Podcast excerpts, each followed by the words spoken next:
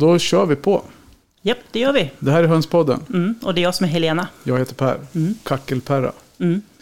Vi, eh, ja, vi har ju en, våran gäst idag sitter i kulisserna just nu och eh, väntar ivrigt på att få vara med. Ja, Vi är lite, idag var vi lite snabba i vändningarna, så jag tror knappt vi själva har förstått, förstått att vi har... Hur vi, att hur förspelet är klart redan. Nej, som flickan sa. Nej, Ja.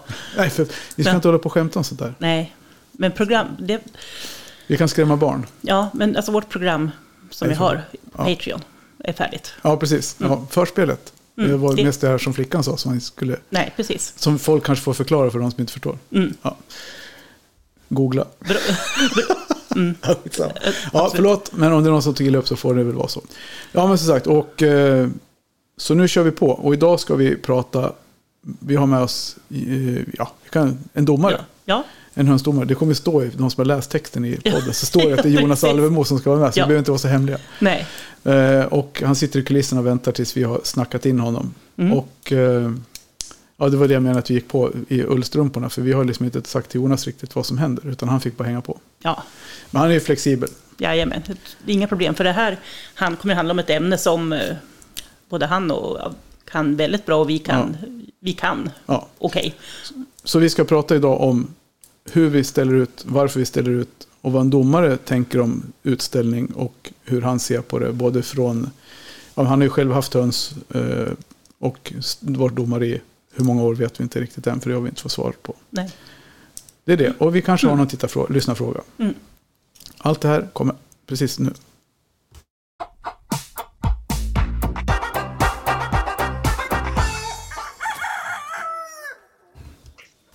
Hej Jonas! Tjena, tjena! Hänger du med i svängarna? Jajamän, här är jag. Ja, men det är bra. Du, du är följsam, det gillar vi. Ja, Ja, jag försöker. ja men du, då är vi, nu är vi inte i förspelet längre, utan nu är vi ju rakt in i avsnittet. Ja, Mm. Du, ja, men precis. Jag sa det lite grann nyss, Jonas Alvemo. Du får ju berätta själv. Eh, och varför har vi med dig och vem är du? Och lite grann. Ja, varför är jag med?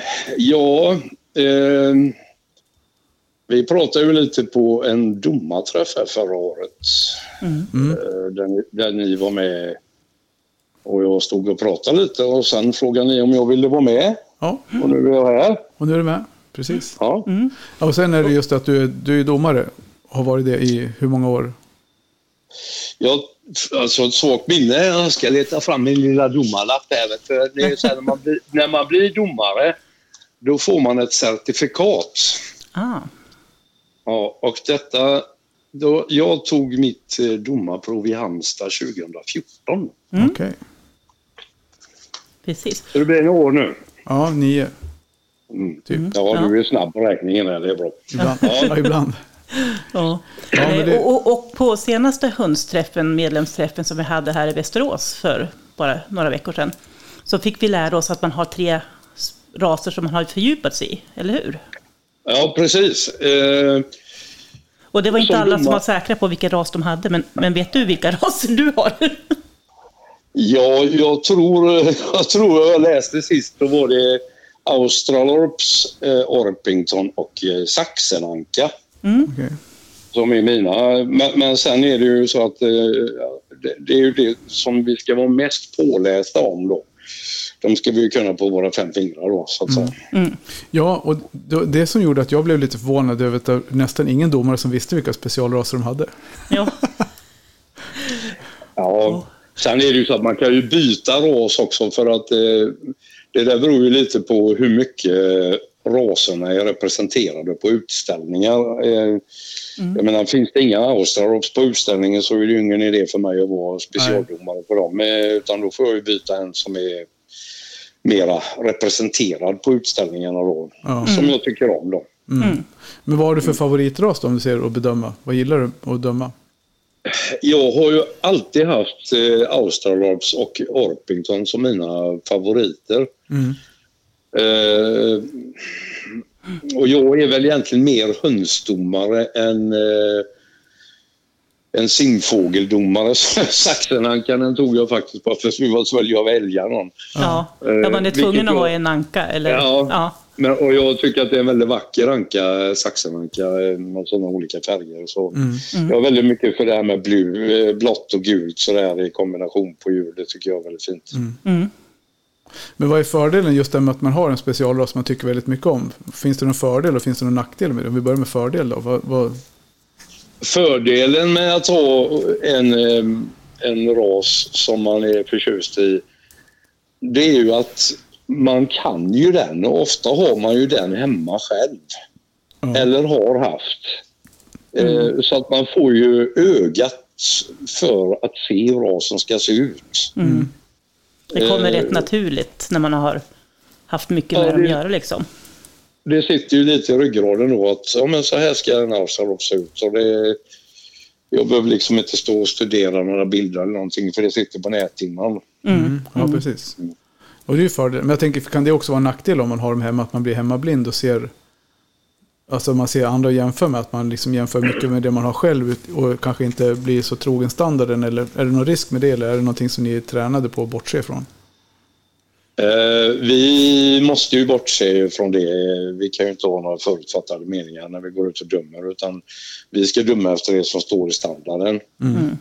Eh, sen nackdelen det är väl att jag får inte döma de djuren själv. Nej, just det. Nej. Eller ja, så de får jag inte lov att döma dem för då dömer jag mina egna djur och det får jag inte lov. Nej, Mm. precis. Eh, men eh, nackdelen i så fall skulle jag vilja säga den stora det är väl att man blir väldigt kräsen. Ja, okej. Mm. Ja. Alltså man ställer väldigt höga krav på de djuren som man själv är kunnig på. Mm. Mm. För din egen del eller i tävlingssammanhang? För andra som du bedömer? Eller vad tänker du? För min egen del Ja. i första hand. Eh, det är ju där jag kan påverka eh, aveln på djuren. Mm. Eh, vi ska påverka andra uppfödare också men det jag vill inte påverka, jag vill mer lära ut i så fall. Men när jag själv går hemma och dömer mina egna djur så blir jag ju väldigt kräsen på vad som är bra och inte bra. Mm. Så, så det är väl den här nackdelen. Jag tycker det är kul när det är mycket Australops eller mycket Orpington på en utställning. Och det där går ju också i vågor hela tiden beroende på hur populära de är. Då. Mm. Ja, men precis. Ja, men för det är lite så. Jag vet ju, vi håller på här hemma med våra silkeshöns. Och, och Mm. inför utställning och sådär. Så kan jag titta på ett djur och tycka att det är jäkligt fint. Och sen tar Tarja upp det och tittar på det. Och sen så åker det ut i slakthögen. Liksom. Bara, eller i bur, slaktburen. Mm. Okej, och då var det någon så här detalj som inte var. Och det är, som, det är väl lite samma sak där. Man blir väl... Det är djur med en jäkligt hög nivå som ändå inte riktigt håller hela vägen fram till, till tävling. Ja, eh, ja, vad ska vi svara på det? Jag kan säga här, jag var uppe och dömde på en utställning en gång och fick se en jättefin australopstupp på av, avstånd. Och så gick jag fram och skulle döma den och nej, det var inget att. Nej. Så att det, det... Går man in och tittar i detaljer på djuren när man dömer dem. Det är ju detaljerna som är viktiga i en bedömning Mm. eh, på djuren. Mm.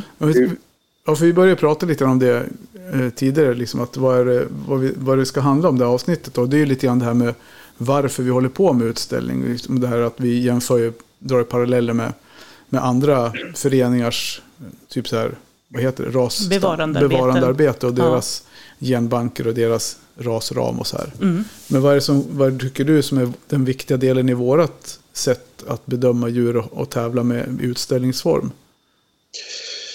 Eh, det är en stor fråga det här.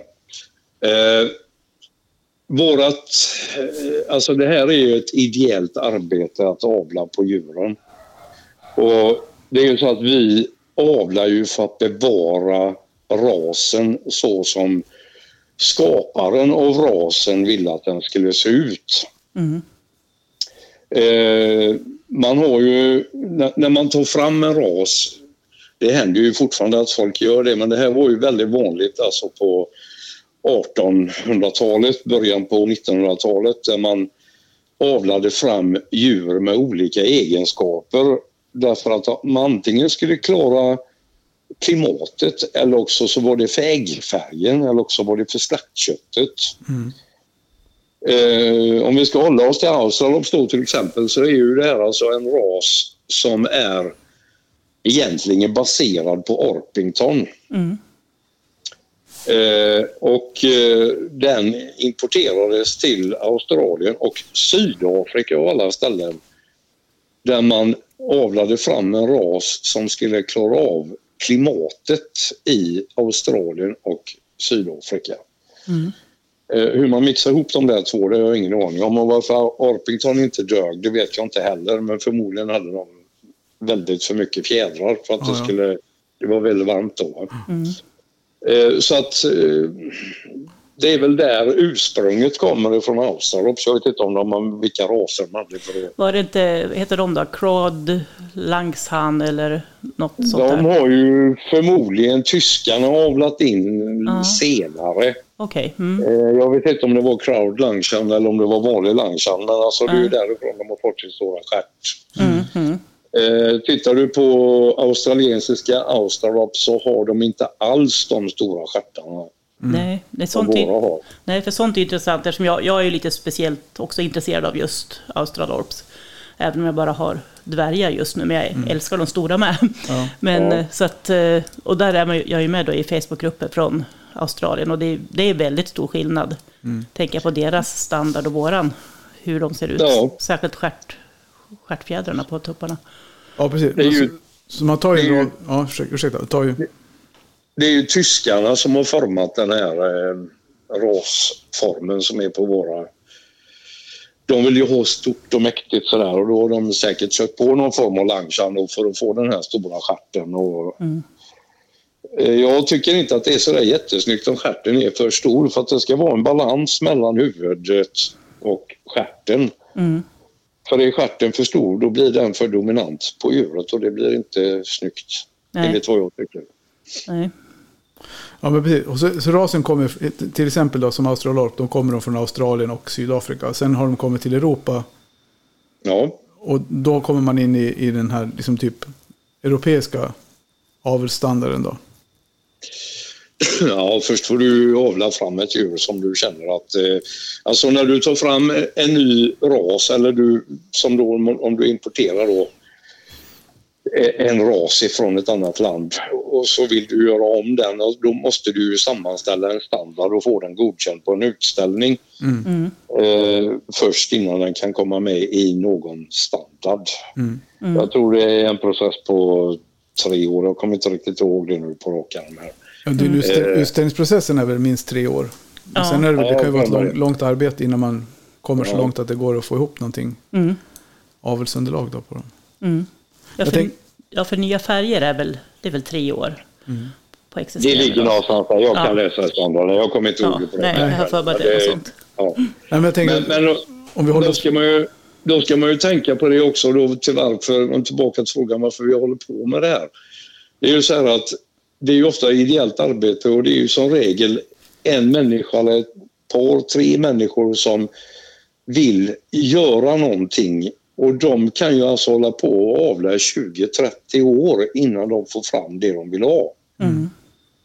Eh, och det är väldigt lätt att förstöra det här arbetet, speciellt här då nu då när våra rasens har fått eh, minskat i antal lite grann då på grund av att nu är det ju äggfärg som gäller. Då. Mm. Eh, så att de som håller på och avlar och håller på med avelsarbete, deras uppgift är jätteviktig så inte det är jättemånga raser som försvinner Mm. som det är nu. Ja, men precis. Så det är ett arbete som, man har, som har pågått sedan 1800-talet som riskerar liksom att i många, Ja. mångt och mycket försvinna. Då. Särskilt de här special, där man avlar på till exempel äggproduktion eller ägg, ja, kött. Mm. Ja. Volym då. Ja, än, ännu tidigare. Alltså, vi har ju, vi har ju hönsraser som har funnits sedan romartiden. Eh, så, som eh, finns ett gäng i England. Nu kommer, alltså minnet är goddag yxskaft ibland. Men det finns en ras i England som är sedan romartiden. Ja. Och den har de ju lyckats bevara där. Så att det är ju jättemånga raser och sen är det ju jättemånga raser som inte finns i våran skandinaviska standard. Mm. Ja. Som också är jättegamla. Mm. Som vi aldrig ser här då. Som är jättestora i- i andra länder, i öststater och så vidare. Mm. Ja. Det, Ja. Så, så på ett sätt kan det vara lite bra att det finns ändå, att raserna bevaras även om det är i olika länder. För jag tänker, vi är ju ett ganska litet land och som du säger, rashundsaveln har ju tagit ett par steg tillbaka antalsmässigt. Så att då är det bra att, att det finns så att säga, gener spridda över andra delar av Europa och världen också för den delen. Ja, USA är ju detta jättestort och klättrar du in i öststaterna, bara titta i Turkiet och bort i, i eh, Iran och Irak. Mm. Eh, så är det ju jättestort där. Alltså det är folk som lever på det här med att avla på djur. Borta. Men har du, har du varit på någon utställning i, utanför Europa? Tyvärr, Nej. aldrig. Det skulle vara jättekul att få åka till Australien och titta på deras djur där. Ja, Ja, ja, precis. Ja, det går ju nu när corona är borta så går det väl att åka vart man vill om man har- bara har tid. Ja, och råd. Ja, råd. Ja, precis. Jo. ja, ja. det är inte gratis att åka dit. Mm. Nej, Nej. nej, så är det. Nej, nej, det är häftigt. Men eh, om man tittar liksom på, på um, alltså, vi vill ju bevara raserna, men hur kommer det sig att vi har liksom den här standarden? Och, och hur, hur gör man för att följa en, den här rasstandarden? Vad ska man tänka på? Eller alltså några, så här, några få hållpunkter, tänker jag. Vi har ju eh, kardinalpunkter i standarden som vi ska utgå ifrån och de brukar som regel vara tre. Mm. Eh, och det är alltså... De, de punkterna det är de som talar om vad jag som domare ska titta på först och främst Mm. när jag dömer ett djur. Det, det, det är liksom det att börja med. Eh, och det kan vara rygglinje, det kan vara som Power och Kana då, att vissa ska vara stjärtlösa. Det kan vara som Tilkeshöns, att de ska ha fem väldigt delade tår. Eh, alltså, alltså vad det är för fjäderstruktur och ja, kroppsform och så vidare. Då. Det, det liksom måste vi titta på i första hand och det är ju den som är på punkt ett på ett bedömningskort. Mm. Mm, Just det. Eh, typen. för, för att ja, det är det som indikerar att den här, det här djuret följer rasen. Mm. Eh, ja, Och där kommer den här siluettbilden in också, eller hur? På typ typen. Man Ja. har den här silhuett, silhuett, silhuettbilden som finns i, på alla standarder. Jag jobbar ju väldigt mycket med silhuettbilden för jag, jag vill hitta att formen är rätt. Alltså har du ett djur med som inte följer silhuettbilden, alltså till exempel om bröstet är för litet då förstörs ju den silhuettbilden. Alltså det, ska det vara ett fylligt bröst så ska det vara ett fylligt bröst. Mm. Mm. Eh, och det tycker jag är viktigt att man håller den. Så att det är en sån där grej som man ska titta på när man går ut i, i eh, sin hönsgård och tittar på sina djur. Att håller de verkligen typen, de här djuren som jag har, eller är det någonting som saknas? Mm. Eh, Och kan man träna ögat, ta med sig standarden ut i hönsgården för sin ras och så sitter man och läser den och tittar och tittar. Alltså, det är som jag har lärt mig under alla år att man sitter och tittar jättelänge på djuren. Det är inte, bara, inte bara för att de är trevliga och håller på med massa saker utan för att man ska träna ögat och, och se, uppleva djuret. Mm. Ja, men precis. Och vi hörde ju, han hade ju med oss Kalle Jensen som hade vunnit standarden på Gotland. Han hade ju använt den på sina och tyckte att det var lärorikt. Och sen är det, ju- det finns ju mycket, mycket att lära sig om rasen. För det första måste man ju lära sig lite danska så man kan förstå texten. Men, men framförallt att, att förstå vad de viktiga punkterna är att titta på. Du har ju faktiskt en ordlista i begynnelsen början här på den här standarden. Jag hoppas att den fortfarande följer med nu där man kan hitta eh, översättningar då på Mm, de precis. flesta. Jag vet att vi har den i våran VRF-standard, men jag vet att personer som har köpt standard senare inte har haft den med sig och inte alls kände igen när jag visade och jag pratade. Men det står ju där, det står ju en ordlista, men det verkar som att det kanske inte helt har följt med.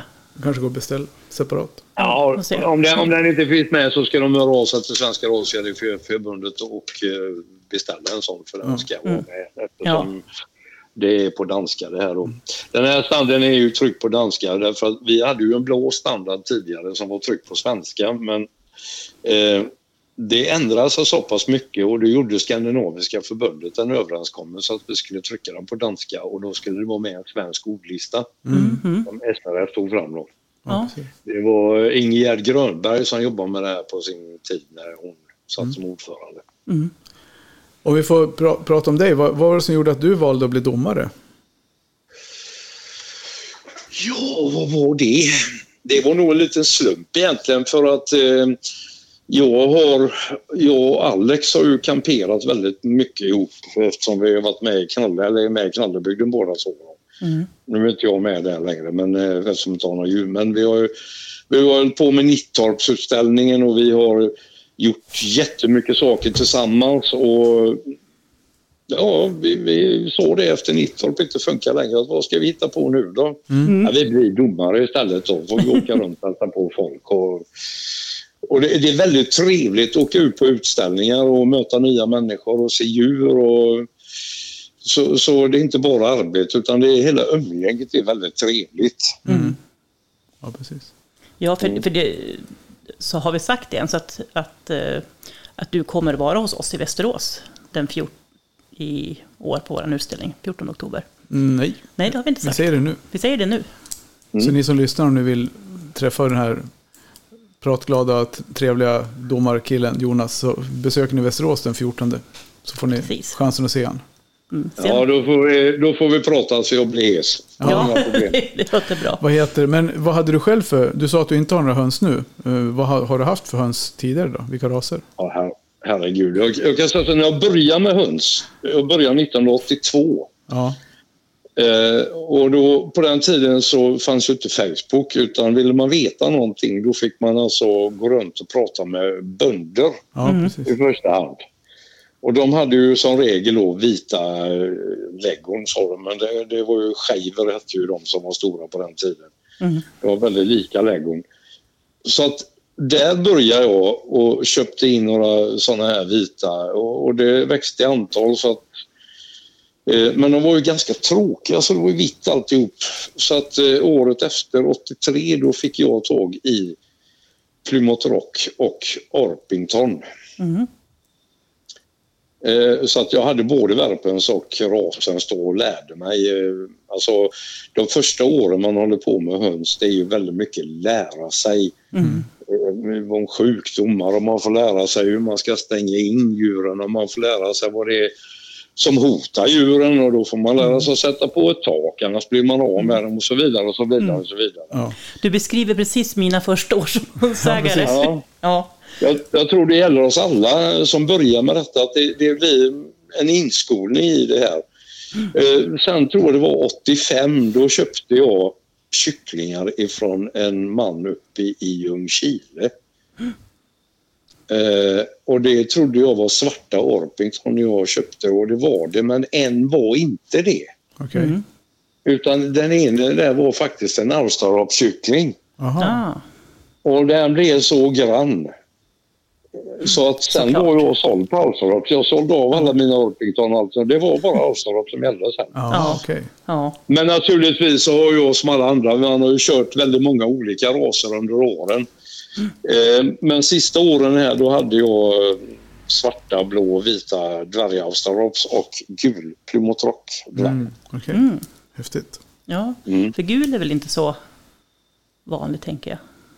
Ja, Så- gul Plymouth Rock är väldigt svår att få tag i Ja. faktiskt. Precis, man, tänk, man ser ju oftast de eh, tvärrandiga, kanske de heter. Ja, Ja, De är ju vanligast, Ja. eh, både i stor och i dvärg. Men eh, jag gillar de gula. Jag gillar gula höns. Gula och svarta höns tycker jag är fina. mm, mm. Absolut.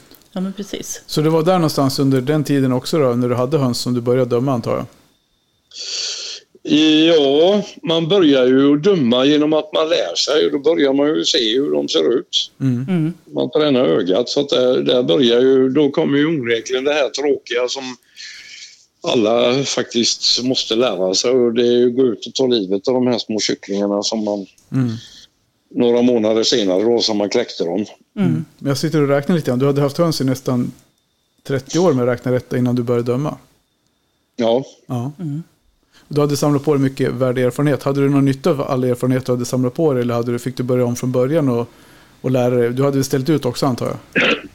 Mm, Ja, lite grann hade jag ställt ut. Vi, vi, vi hade lite erfarenhet eh, av utställningar. Ja. Det måste man ha när man ska eh, bli domare. Så måste man ha erfarenhet av utställningar. Både arrangera och ställa ut själv. Då. Ja, så man visar att man vet vad man håller på med.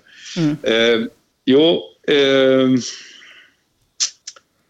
det, den här erfarenheten som man skaffar sig, det, det är ju liksom kunskapen, den samlade kunskapen man får under hela tiden man håller på. Mm. Vi, vi har ju haft uppfödare här i Sverige som har hållit på som barnsben och, och höll på med detta ända tills de gick bort. Mm. Och det är ju en jätteförlorad kunskap om inte de förmedlar den. Ja, Mm. precis. Ja, men precis. Det, det är ju viktigt, tänker jag. Just, just den biten. Ja, Alltså Facebook och liknande är all ära, men den här direkta kontakten med folk som kanske inte, jag tänker på, kanske inte alla äldre Nej. hundsägare har Facebook och så vidare. Det är ju Nej, bra om den kunskapen tas tillvara. Och en det hönspodd. var ju så. Ja, och en hönspodd. Ja, det är ju jättebra med en hundspodd för att det når ju också folk. Eh, Jag föredrar väl det framför Facebook för att det är många kanske florerar lite för mycket kunskaper där som inte alltid stämmer. Mm. Och jag värderar väldigt högt det här eftersom det var så jag började med att eh, gå hem till någon. Alltså när man var då i 18-årsåldern och så gick man hem till någon äldre bonde som hade haft höns hela sitt liv. Och så bjöd de på då sju sorters kakor och en kopp kaffe och så satt de och berättade om sina höns och alla andra djur de hade. Bara, bara det här att få sitta och lyssna när de förmedlar sina kunskaper. Ja. Det, det, det var en upplevelse i sig som vi kanske inte får riktigt idag när vi sitter framför skärmen. Nej, Nej. absolut inte. Och det är därför vi krigar för att hålla liv i föreningarna. Därför att det blir lite samma sak när man har en medlemsträff och pratar om djur. Och fikar en grillkväll eller fikakväll och sitter och pratar höns. Det är ju, det är ju lite grann samma sak. Det kan du ju heller aldrig få på Facebook i någon grupp. Det blir opersonligt. När du sitter och läser på Facebook så är det ju sällan någon som säger emot det heller om du har fel då. Utan, eh, den, för det, det är synd, det är väldigt mycket kunskap från våra äldre som går förlorade på grund av eh, skärmen. Vi får väl göra generation två på hönspodden och åka runt och prata med riktigt gamla hönsuppfödare då. Och köra. Ja, ja, precis. Ja, Ja, det finns ju några kvar. ja det Ja. gör det ju. Absolut. Ja. Och, och ska jag säga att vi har ju ändå träffat på många väldigt kunniga uppfödare. Ja, absolut. Som, som inte är lastgamla. Det finns ju många som är... man, Ja. Ja. man, blir, man blir ju kunnig på det här i och med att man har ett brinnande intresse för det. Som spelar ingen roll om du på, håller på med bilar eller hästar eller du håller på med frimärken. Så att du, du får ju alltså ett, ett brinnande intresse av det här och lägger ner hela din själ och tillfogar dig kunskaper. Så att man, man bär ju på det. Alltså man är, blir ju ett vandrande uppslagsverk, så är det ju. Eller,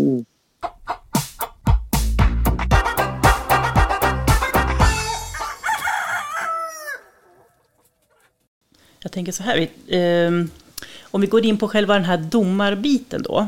Alltså hur det går till på en utställning. ja, Om, du- om du kan liksom förklara lite grann hur det ser ut. Vi har ju såklart pratat om det tidigare också, men, men hur ser du som domare? Vad, vad tänker du när du tänker utställning och du kommer på plats och så vidare? När jag som domare kommer till utställningen och har fått eh, burkorten. Det ska ju vara ett burkort för varje djur. Eh, och eh, då brukar jag gå runt och titta på djuren och se hur de ser ut i burarna lite på avstånd och lite sådär om jag ser som vi pratade om förut att ett djur kan ju se jättebra ut på håll men om man tittar lite närmare så och är det då djur som jag tycker ser jättebra ut så brukar jag lägga de korten ovanpå buren. De andra sätter jag i korthållarna. Mm. Och sen när jag har gått runt alla mina djur så, så börjar jag om. Och vad jag har gjort egentligen då när jag går runt och tittar är att jag ser hur hela gruppen ser ut. Är det några som avviker? Är det, är det en jämn grupp? Eh, hur mycket skiljer de sig åt? Mm. Sen när jag går in och dömer enstaka djur då får jag liksom titta på enstaka djur och se vad jag hittar. Mm. För, för, för rätt eller fel där. Mm. Och när, när du säger rasgruppen, eller gruppen, menar du så inom samma ras eller är det tunga, stora eller liksom vilken, vilken genre Ja, rör vi oss där?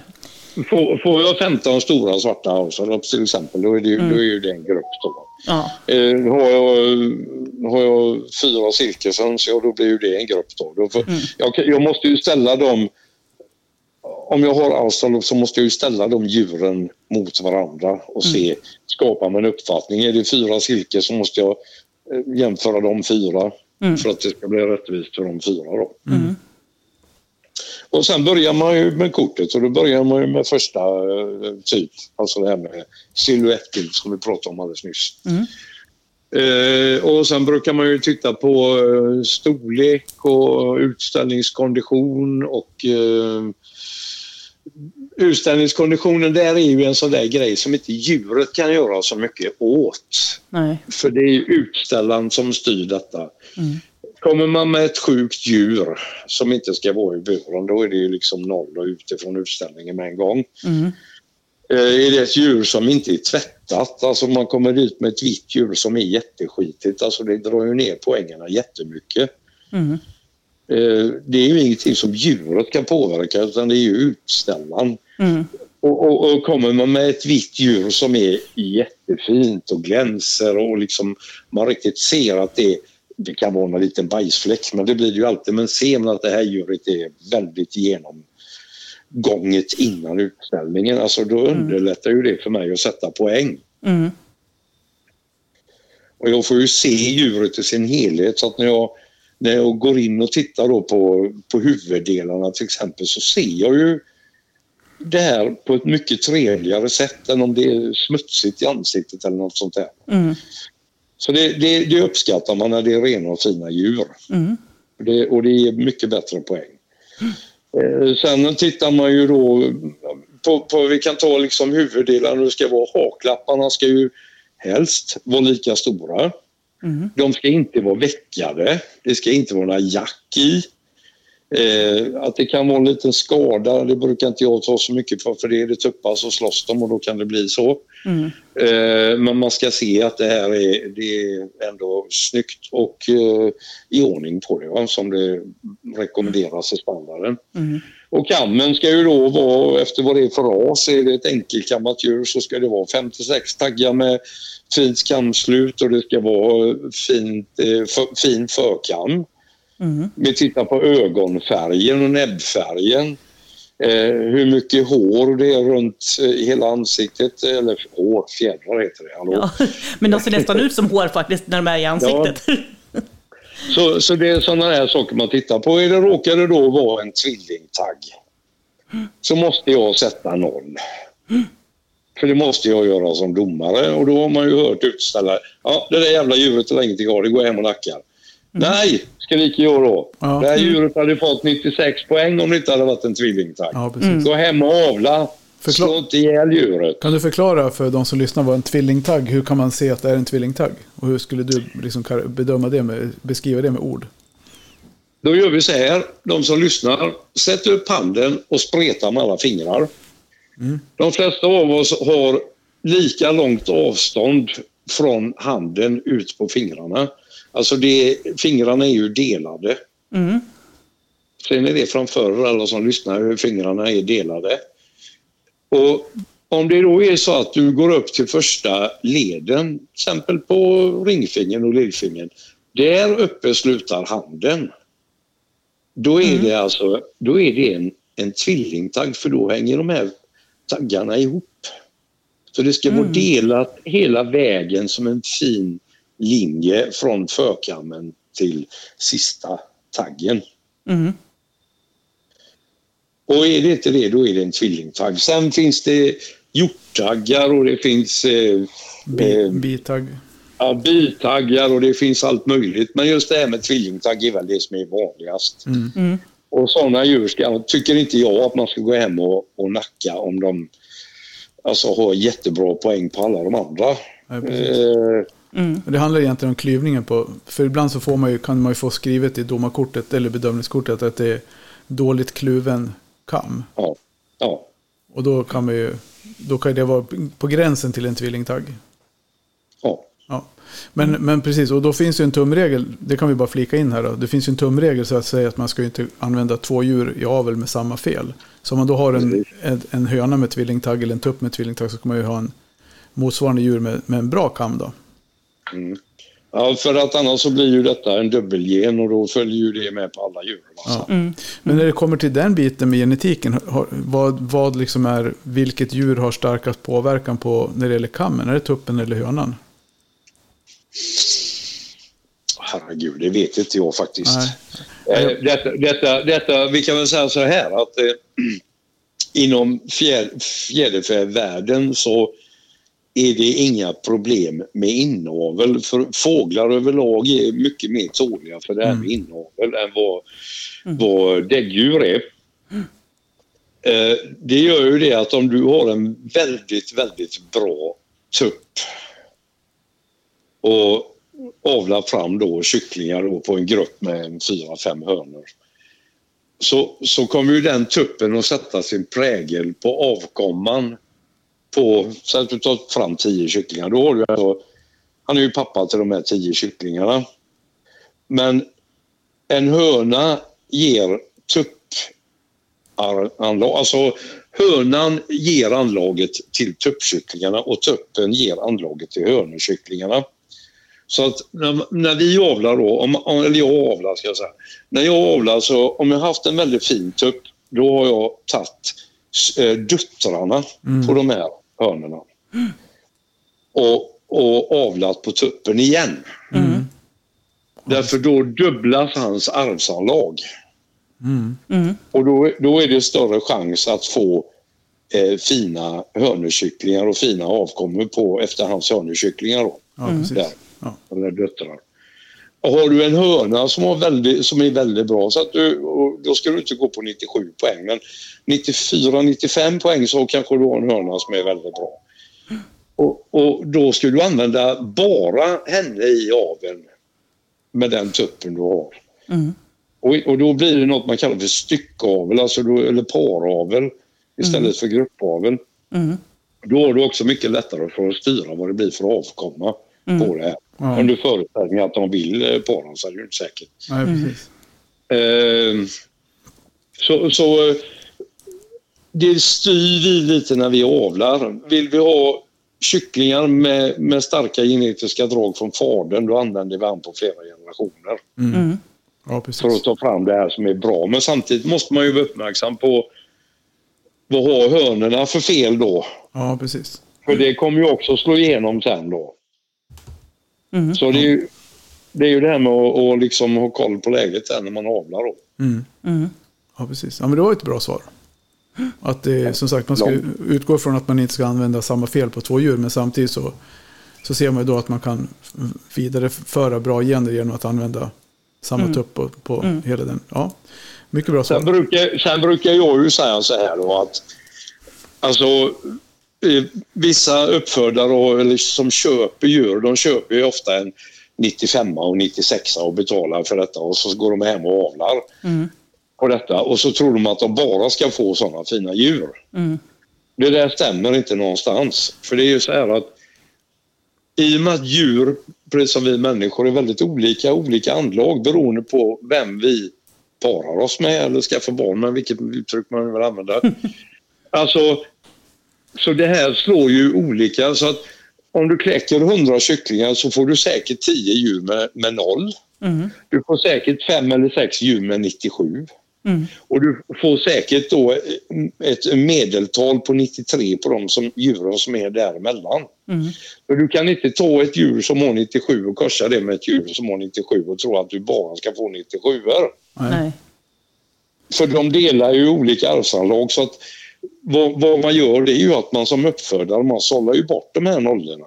Mm. Det går ju till soppa och, och sen har du ju djur som är mittemellan. Ja, Ja. Där, där, där du kanske säljer till, till nybörjare som ska lära sig och, eller till bönder som ska ha värphöns. Ja. Och sen behåller ju de högpoängarna från 94 och framåt eller 93 och framåt beroende på hur, hur bra medeltalet är på djuren. Mm. Jag har hellre en grupp på 10 djur som ligger på 94-95 poäng än jag har en grupp som ligger på 96-97. För alltså, de kan slå ut negativt åt andra hållet istället, enligt min erfarenhet. Mm. Så att du helt plötsligt får väldigt mycket nollor då.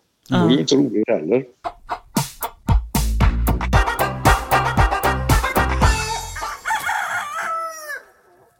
Jag tänker på, om man, man ser nu att de som sitter och lyssnar ska, tänker så här, men jag ska, gå ut, eh, jag ska gå ut och titta på mina djur och se vad det är, hur, hur bra de är. Vad ska man tänka på om man ska gå ut och titta själv i hönshuset? då? hur, hur ska man göra liksom med, med djuren för att man ska kunna se dem bäst, på bäst sätt? Jag är ju göteborgare så nu höll jag på att säga tänd ljuset. Ja. ja, precis. Och eftersom jag, eftersom jag också då är göteborgare så uppskattar jag skämtet. Ja, precis. Ja, det är bra. Så. Nej, men, jag, jag tycker så här att när man, eh, när man håller på med sina djur så man ska titta på sina djur varje dag. Mm. Eh, från det att de är småkycklingar, för du sitter ju gärna och gossar med kycklingar när de är små. Mm.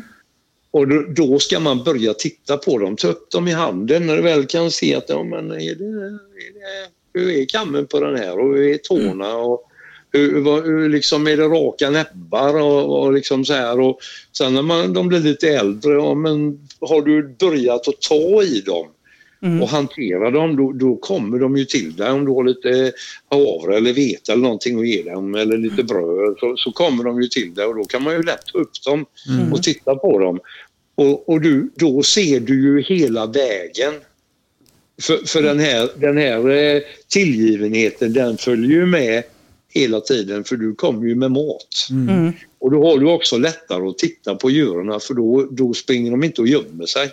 Utan de är hos dig. Du har möjlighet att titta på dem. Mm. Men när de kommer upp i den här åldern då på en 18 eh, Eh, ja, först så brukar man ju ta bort djur så fort man ser om det är någon tvillingtagg eller krokiga tår. Det brukar visa sig runt eh, mellan 6 till 12 veckor någonstans där. Mm. Eh, felfärgade djur även där när de börjar sätta eh, men när de börjar närma sig då i vuxen ålder då, då, tycker jag man ska ta med sig standarden ut och så ska man nyttja den här tillgivenheten, tilliten som man har skapat till sina djur och så kan man sitta där ute. Du kan sätta ner på marken med standarden i knät så att de kommer till dig och så mm. matar de lite och så tittar på dem. Mm. Det absolut lättaste sättet att se om det är bra djur eller inte. Ja. Mm. Så du tycker att de som ska hålla på, man ska ha en standard till hands på något sätt? Ja, det tycker jag absolut eftersom avelsarbetet är ju det som standarden styr och ska man ställa ut djur då är det ju standarden jag jobbar med som domare. Mm. Precis. Så det, det, det, är liksom, om man menar allvar med sin avel så tycker jag nog att man ska, man ska köpa den här standarden. Mm. Och det här är någonting man behåller hela livet så det är en ganska god investering. Mm. mm absolut. Ja, det är det. Och tänker man på, jag vet att man pratar om hobbys, vi pratade om det här förut i något avsnitt lite grann, men man pratar om hobbys, vad man lägger ner på sin hobby. Så är det ju lite olika. Jag har en, en eh, affärsbekant som har börjat med fiske. Han har lagt ner över 300 000 på sin hobby nu i år. Bara på köpa, han köper båtar, han köper spön, elmotorer, och drag och ankare och alla möjliga grejer. Liksom. Så ja, man kan ju ställa det i proportion till att köpa en standard för, jag vet inte vad det kostar, en tusenlapp. Runt tusen spänn. Ja. Mm. Så är det en, en, ganska liten investering i en hobby. Allting är relativt och allting ja. hänger på vad man har för inkomster. Men man kanske säljer lite ägg och kan köpa en standard för äggpengarna. Mm får du sälja många ägg. Ja, ja. Eller sälja äggen dyrt. Ja, precis. Jag, jag, jag började ju med hönor då 82. Jag tror det var ett år jag gick med vinst med två kronor. Ja. bra jobbat ändå. Ja. ja men, kostat, det har kostat jättemycket pengar under åren. Men ja. Alltså, pengarna går ju till någon någonting man tycker är roligt ja. och då känns det kanske inte riktigt på samma sätt. Nej, men jag tänker, höns, en höna idag kostar mellan 400 och 500 kronor att köpa ett fint djur. Som är mm. att köpa en standard för, som du kan ha hela livet för 1000 kronor. Det är ju också i förhållande inte så dyrt tycker jag. Nej. Och det, och det som är så spännande med standarden det är att man kan ju hitta lite olika spännande raser som man inte visste att man ville ha, som ja. man sen vet att man vill ha. Ja, ja sen finns det, det är inte fel det heller. Som jag fattar, nu har inte jag, ska jag skäm, skäms nästan säga det, jag har inte tittat jättemycket i standarden, alltså jag har tittat en del, men, men som jag, lilla, jag har uppmärksammat så är det mer, mycket information som inte har att göra med bara rasen, utan det är lite allmänt om, mm. om hönsskötsel också, så det finns ju mycket information i standarden. Ja, absolut. Sen är det ju så här att om man nu känner att man har inte råd att lägga de pengarna. Mm. Ja, men du kanske har en kompis som håller på med hörnen. Ni kanske kan dela på standarden. Ja, mm. precis. Eller föreningen kanske kan köpa in en standard som man kan få låna. Mm. Ja, absolut. Så att, så att eh, man behöver ju, om man nu tycker att det är för dyrt så behöver man ju inte sitta fast i det utan det, det finns ju lösningar. Mm. Eh, jag vet att det är många föreningar till exempel som hyr ut kläckmaskiner. Mm. Och det, det, är ju inte omöjligt att det går att hyra en standard också om föreningen tar upp det på sin dagordning. Nej, så allting går, allting går att lösa och man får ju råd och tips av varandra också hur man, vad man ska tänka på. Så, där. så man kan ju mm. kanske ta med ett djur och åka hem till någon som har standarden och, och sätta sig och jämföra djuren tillsammans. Det går ju också mm. att göra. Mm. Ja, och sen har vi ju det här med medlemsträffar. Att man liksom tar med sig sina djur och visar ja. upp dem. Och som regel brukar det ju vara någon kunnig eller någon domare som kommer. Och om inte jag missminner mig så har en förening möjlighet att, att be en domare komma ja. också. Det har vi gjort några gånger. Vi hade ju medlemsträffen hos oss nu tidigare här i sommar. Men sen mm. har vi även haft vid något tillfälle en eh, medlemsdag när mm. jag tror det var Niklas Borgenstierna som var uppe. Mm. Också, också, i samband med årsmötet har vi haft. Ja, precis. Flera gånger. Med, med att några har tagit med sig djur och man har gått igenom ja. och pratat och ja. domaren har beskrivit så. Absolut. Det, är ju, det är ju även en sak som ingår i vår arbetsuppgift egentligen. Det är ju att vi ska kunna komma ut till en förening om de mm. ber oss komma. Ja, mm. ja men precis. Ja, så jag tycker domarna, ni har ju en otroligt alltså, omfattande arbetsuppgift som ni, som ni utför. En jättebra tjänst i förbundet som, som man har tillgång till som förening. Faktiskt. Mm. Och det är lättare om man bor söderut naturligtvis. Det är svårare ju längre norrut man bor för det finns ju inte så ja. många domare norr om, jag vet inte. Norr, in, ja. norr om Norrköping, jag vet inte. Norr om trädet? Nej. Ja, precis. Så, så är det ja. så, men, men, samtidigt så får man ju ändå, man har ändå möjligheten att, att rekvirera en domare vid tillfälle. Mm. Så är det ju. Man, man får ju betala resekostnader och så vidare. Men man har, får, jag, jag vet inte om det är så nu så jag ska inte gå in på det. Men förr vet jag att man kunde få någon form av bidrag från SRF. Så, men mm. jag vet inte om det är så fortfarande. Men eh, alltså domaren får ju då en form av reseersättning om man åker upp. Och, eh, och sen får man ju vara med och prata med medlemmar och det är ju en grej som jag uppskattar. Jag vet inte, jag har ju aldrig varit uppe och ser och dömt men eh, vi har ju gjort så på andra ställen. Jag och Alex har ju gjort så. Det. Jag vet inte om de andra domarna kanske gör det också. Att eh, man kan gå med eh, efter bedömningen och prata med uppfödarna. Mm. Mm. mm. Och det har vi som en stående grej att de ja. som har ställt ut får, får lite eh, råd på vägen av, av domarna. Det tycker jag är en ganska viktig grej egentligen för att då, jag menar får du ett bedömningskort och du kanske inte har riktigt koll på hur du ska läsa detta och tolka det och, och vad, vad är det det står egentligen.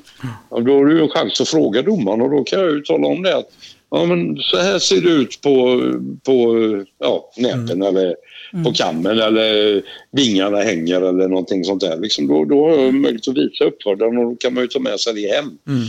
Jag, jag tycker ju inte att eh, bedömningen som vi gör bara ska handla om att folk ska vinna priser. Nej. Utan det är ju faktiskt för att vägleda uppfödaren. Mm. Mm. Eh, och även om, om det är publik som vill vara med och titta naturligtvis pratar man för dem också då. Mm. Att, att man får, man, jag förmedlar en kunskap till ja. de som håller på med arbets, avelsarbetet. Mm.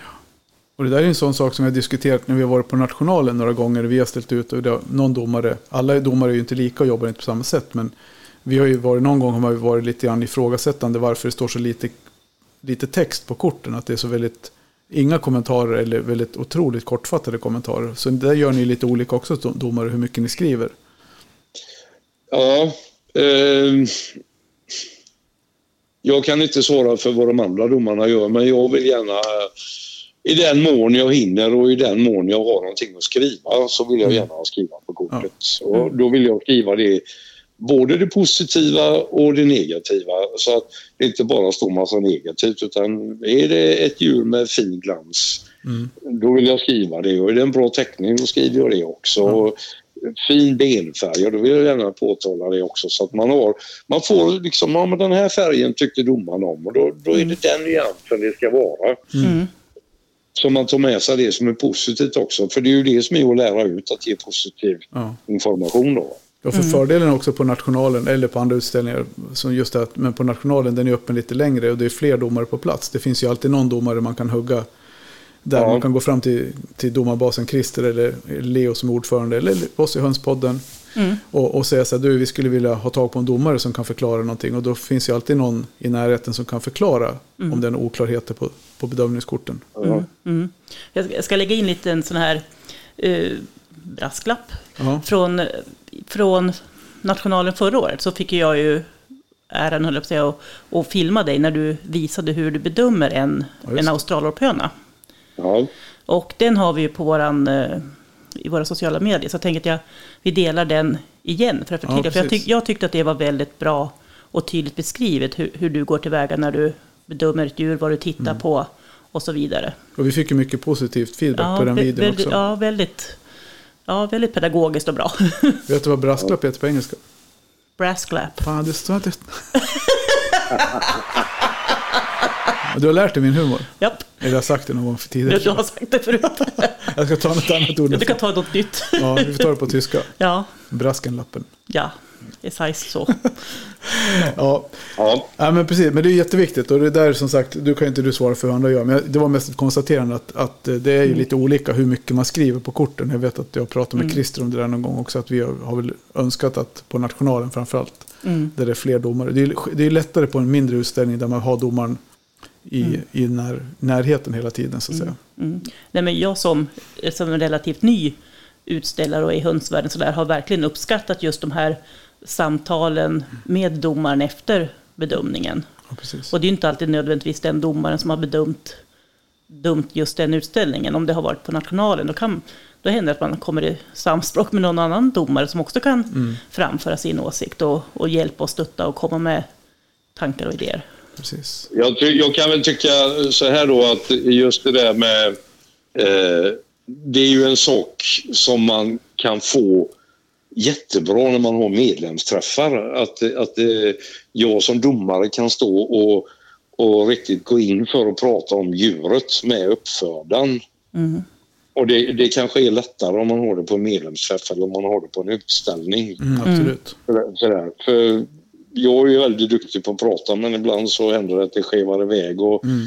har, har man dömt då kanske 70 djur på dagen så är man lite trött i huvudet. Sådär så att Ja. Mm. Oftast vissa av, inte, av oss inte kanske står kvar och pratar så mycket för vi har rätt mycket djur att döma på en Ja. dag.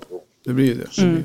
Mm. Ja, men precis. Ja, då hinner man ju kanske gå igenom i alla fall de som har ställt ut kortfattat och sen blir det inte så mycket mer. Nej, men jag tycker att oftast har man liksom pratat om något eller ett par djur kanske och visat på någon, någon särskild detalj som domaren har sett att, ja men jag har sett det här på, att man ser ju att det är flera djur i rad och då kan man oftast gissa sig till att det kan vara samma uppfödare eller att domaren frågar efteråt att är det här också dina? För jag ser det här på de här, den här har sån då dålig näbbfärg eller inte vet jag.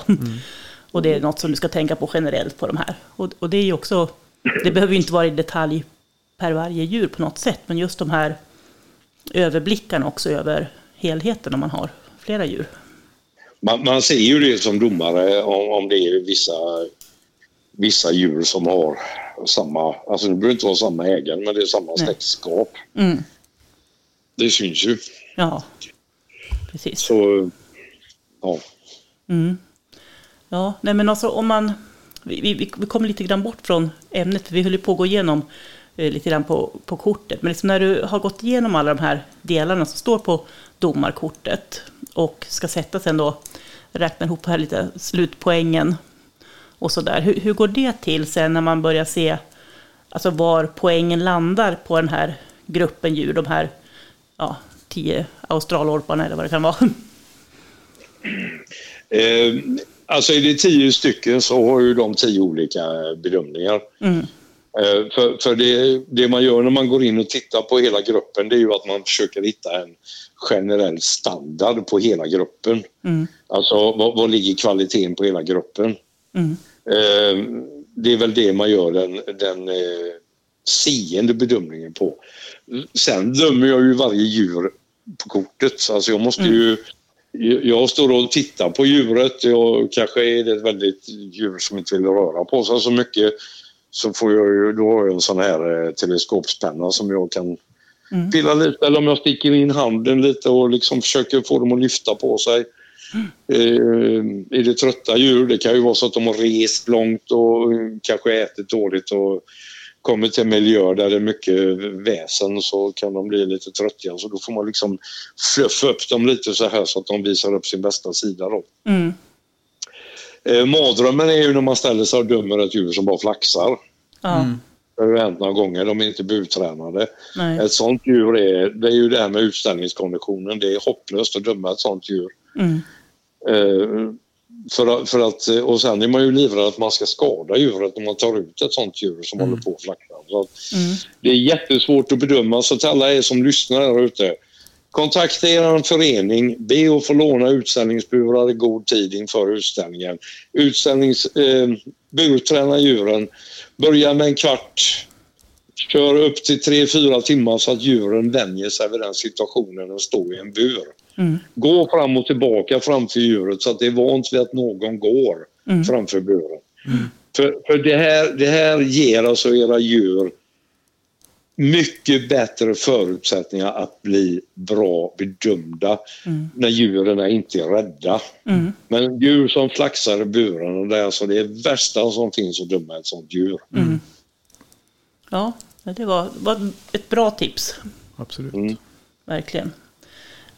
Jag tänker sen, sen liksom, när alla djur på utställningen är bedömda, då kommer vi till de här, liksom, ska vi säga, lite mer grädden på moset, prisutdelningar och så vidare.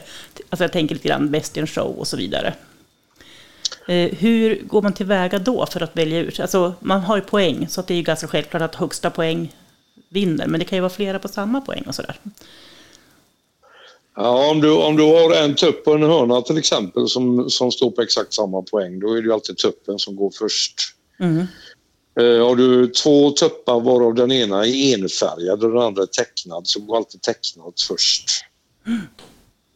Eh, och ehm, Ja, sen, sen, är det ju faktiskt eh, sekretariatet i varje hos varje utställningsarrangör som, som de räknar ut poängerna och mm. har ju olika grupper och har de en grupp åtta djur så, så är det ju den som är bäst i den gruppen som får eh, mm.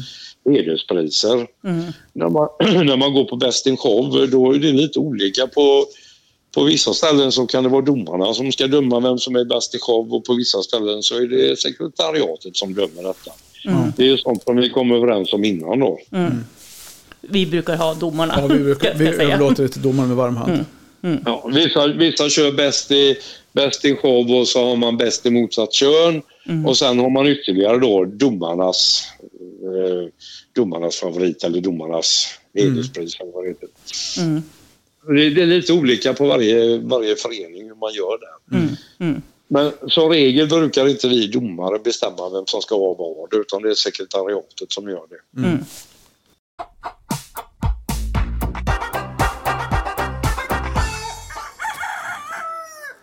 Ja, då har vi pratat länge och väl om utställning och vad man ska tänka på. Jag tror folk har gått långt förbi frontal cortex-stunden. och det var nog i förspelet vi pratade ja, det om det. Ja, precis. Ja. Så det får ni googla. Ja. Uh, men jag tänkte Jonas, vill du skicka med någonting till uh, de som har lyssnat nu, sista, sista medskick innan vi, innan, innan vi, avrundar? Innan vi avrundar. Ja, som sagt var, lycka till med era djur och utställningar och var inte rädda för att komma och prata med oss domare. Och Inga frågor är för dumma. Eh, och läs burkorten oavsett om det står noll. Mm. Läs på alla de andra raderna. Mm. Och hjärtligt välkomna ut allihopa och lycka till. Ja, tack. Mm. Häng kvar Jonas så snackar vi lite mer med dig om, om en liten stund. Okej. Okay. Tiden går fort man är kul. Ja, verkligen. Oh, vet du vad? Jag längtar till utställningarna nu. Ja, men man gör ju det. Man ja. har ju gått så här, vi har ju gått här och tvekat lite grann. Ja. För mig har det krockat i år. Med, nationalen krockar med mitt höstmöte med Kakelföreningen och Byggkemikrådet. Mm -hmm. Jag har inte missat på jättemånga år. Nej. Så jag sa till Tarja att du får åka själv på nationalen. Nej då. Klart du inte gör. Jag sa till Byggkemikrådet att ni får klara utan mig i år. Japp, det gjorde du rätt i. Bra vi, val. Ja, vi tar husbilen ner till Moheda. Ja. Som vi har planerat. Ja. Och det ska bli kul. Hönspodden är på plats. Yep. Kackelaget är på plats och säljer foder, tillbehör. Mm. Eh, och lite så. Mm. Och, och, det är fler utställningar i Sverige än de vi har pratat Absolut. om egentligen. För vi har ju pratat om våran i Västerås, som ju är Ja. våran förening, Västmanlands rasfjäderförening. Och den andra är SRF, det är mer som ett SM, SM kan ja. man säga. Och eh, de övriga utställningarna finns uppradade på eh, Svenska Rasfjäderfäförbundets hemsida. Vi kanske kan lägga ut någonting i våra sociala kanaler. Det, det kan vi absolut göra. Ska Vilka datum och platser, ja. Mm, mm. kan vi göra. Ja, och för er som är Patreon så får ni väl lyssna vidare på Efterstängning som kommer direkt efter det här. Vi snackar mer med Jonas. Och Jajamän. för er andra så säger vi tack för den här gången och på Mm. återhörande. Ja, hoppas vi ses. Hoppas vi ses på utställningarna.